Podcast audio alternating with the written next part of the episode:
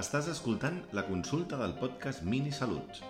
Hi trobareu temes de salut per escoltar en menys de 5 minuts. Soc Jordi Mestres, metge de tot tipus de famílies. Endavant!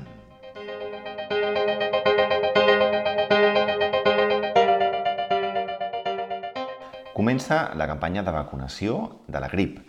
Estem a les portes de la tardor i això vol dir més fresqueta i increment de circulació comunitària de virus respiratoris. Però què és la grip? La grip és una malaltia respiratòria vírica que s'encomana de forma fàcil de persona a persona. Incrementen els casos en els períodes de major fred, per tant, l'hivern.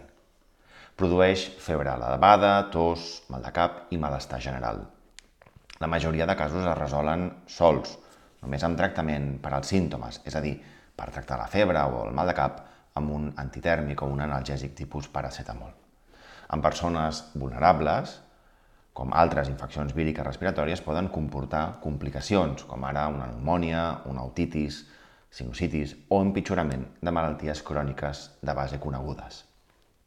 La vacuna de la grip estaria recomanada per a persones majors de 60 anys personal sanitari o sociosanitari, és a dir, persones que treballen en residències d'avis, pacients amb patologies cròniques que es podrien descompensar per una infecció per la grip, com ara pacients amb diabetis, patologies respiratòries cròniques com la MPOC, malalties cardiovasculars, etc.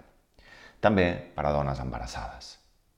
És important prevenir i curar-se en salut. Per tant, la vacuna estaria recomanada en aquests grups que acabo d'esmentar. És important també, si ens trobem malament, intentar evitar doncs, la interacció social, sobretot amb persones vulnerables, per tallar les cadenes de transmissió, en aquest cas, de grip. Per tant, ve el fred, torna la grip, cuidem-nos i salut!